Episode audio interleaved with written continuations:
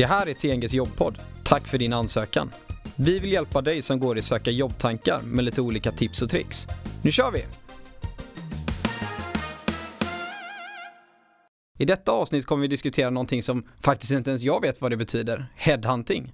Men innan jag går vidare och presenterar vilka jag har med mig i studion idag så ska vi lyssna på folk på stan tror om detta. Vet du vad headhunting är? Nej, det vet jag inte. Eh, det är väl när eh, företagen eh, själva går ut och letar efter arbetssökande och kontaktar dem. Nej. Nej. Det betyder eh, att det är någon annan som har eh, fått nos om, eh, nys om eh, vem jag är som jobbar med eh, att eh, anställa folk åt företag till exempel. Som hittar människor åt företag som passar för olika roller. Man märker ju här att eh, just ordet headhunting är inte någonting som man eh, naturligt sett kanske har superbra koll på, så det blir bra att vi reder ut det idag.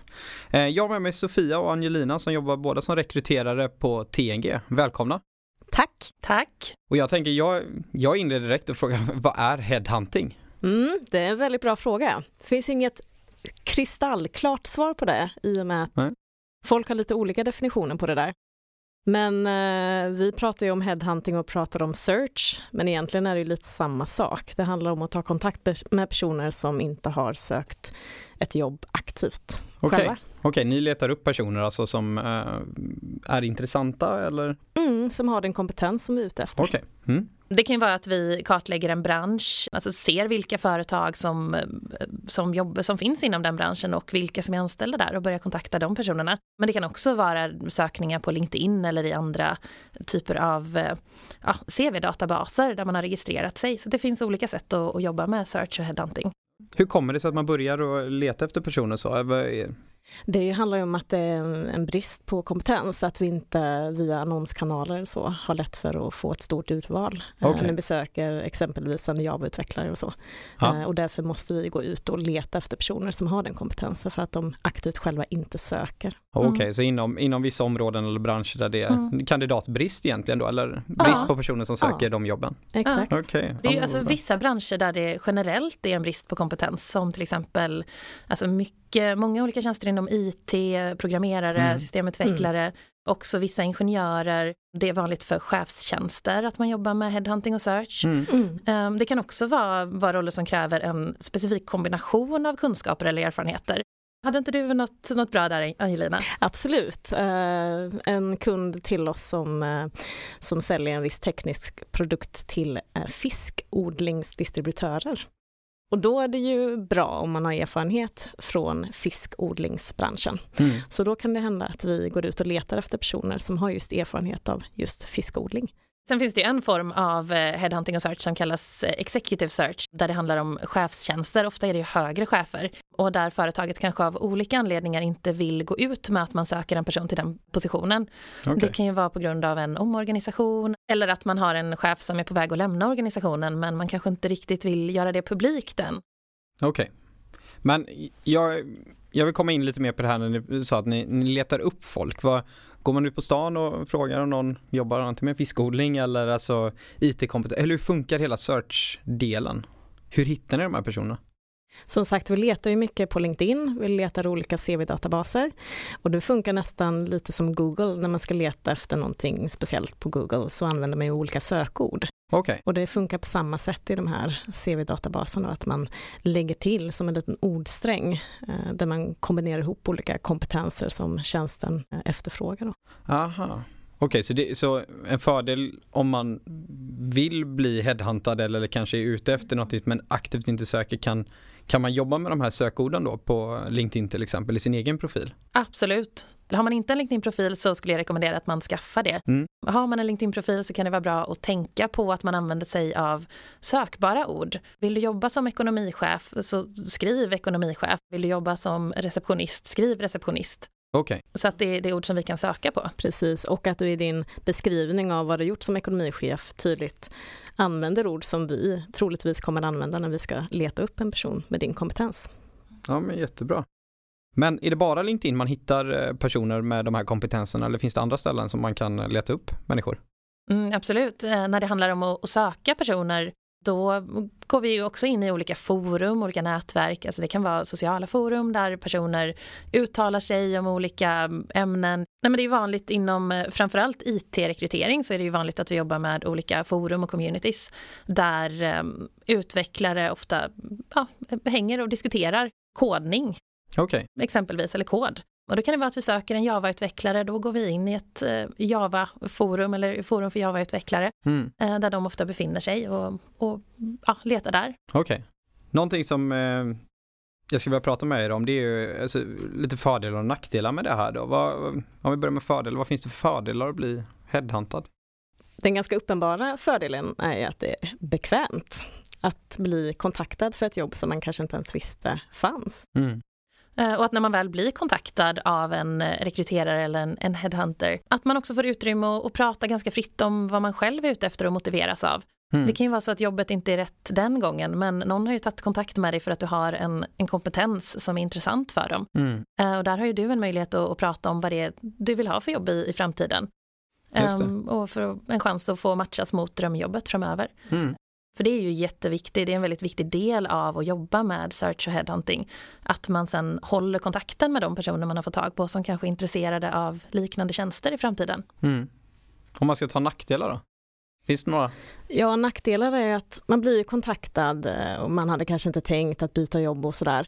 Och det är lätt att man blir lite, vad ska man säga, skärmad eh, så av en rekryterare som ringer upp en och man får en liten ego-boost av det Mm. och sådär. Mm. Eh, och så går man in i en rekryteringsprocess utan att kanske riktigt reflektera över, är det här ett jobb jag skulle sökt om inte den här personen kontaktade mig för det? Okej. Och det gör ju, eh, om man inte stoppar den här processen i Nej. god tid, att man kanske får ett jobb som man egentligen inte vill ha. Så det är viktigt att man verkligen reflekterar Ja. över om man faktiskt är intresserad. Skulle man ha sökt jobbet om man inte blev uppsökt? Mm. Mm. Ger ni möjligheten till dem eh, som man kontaktar, alltså att just den här möjligheten att reflektera, ger ni det som tips eller hur eh, pratar man om det med kandidaten? Definitivt. Det bästa är ju om kandidaten själv söker jobbet. För då Ja. får man lite mer kvitto på att man faktiskt är intresserad. Okej, alltså kontakta personen och be honom aktivt söka tjänsten som ni har ute. Det är så Mm. du tänker? Ja. Precis. Jag ska väl kolla med er, alltså när vi pratar headhunt då, eh, men kan vi inte prata, hur, hur går det till? Alltså hela liksom, från att ni, ni har, eh, ni vet vad ni ska leta efter till ni till kontakt, vad, vad händer i hela liksom processen? Mm. När vi vet vad vi ska leta efter så har vi såklart ett antal kompetenser som vi ska söka Mm. efter. Eh, och sen behöver vi kontakta personer som har den här kompetensen som vi efterfrågar då. Eh, och det är ju såklart inte bara en person utan det kan ju vara ja, 50-100 personer beroende Mm. på. Och sen när vi får kontakt med en person, eh, det kan man ju antingen kontakta, ja, om det är LinkedIn så kan man ju skicka ett mail via LinkedIn Mm. eller vissa väljer att ta telefonkontakt direkt istället då. Okej. Man kan jobba lite olika där. Och sen så börjar man diskutera om man är öppen för andra möjligheter, eh, att man har den här möjligheten just nu. Okej, ta en diskussion med kandidaten Exakt. eller den personen som ni vill locka över. Precis, Mm. och där är ju lite vårt jobb som rekryterare att sälja in jobbet till kandidaten Mm. eh, ofta.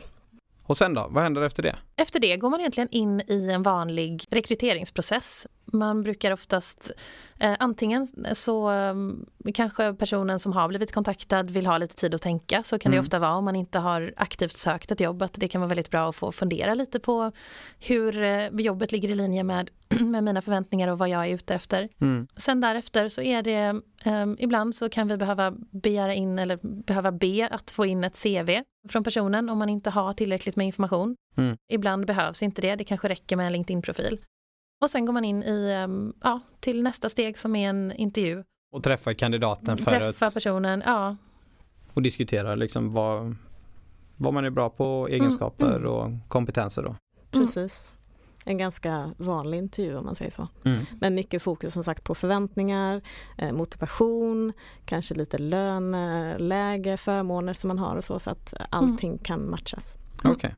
Och lite beroende på så kan de intervjuerna också vara ganska öppna. Inom vissa branscher är det ju verkligen så att vi alltid söker efter en viss typ av kompetens. Mm. Um, och där kan det vara så att även om man upptäcker ganska snabbt att det här jobbet inte ligger i linje med dina förväntningar uh, så kan jag som rekryterare vilja hålla kontakt med dig och det kanske kan vara intressant för dig som jobbsökande att hålla kontakt med en rekryterare för att du kanske Ja, du kanske kan hitta ett annat jobb som... Ja men någon gång kanske vill gå vidare Ja. eller så vidare. Så använder dig lite som en agent då nästan, en jobbagent och kunna ha dig. Ja, Ja, det kan man okej. säga. Jättebra. Okej, men då har ni pratat lite löst om lön ni haft i den första intervjun. Vad, vad, vad hände sen då? Det som händer sen är egentligen eh, i våra händer som rekryterare. Ofta så är man ju kanske en av flera kandidater som eh, står som möjliga för en, en viss tjänst. Man är ju ofta en del av ett urval. Så det handlar ju om eh, vem är bäst lämpad, vem har bäst kompetens för den här tjänsten.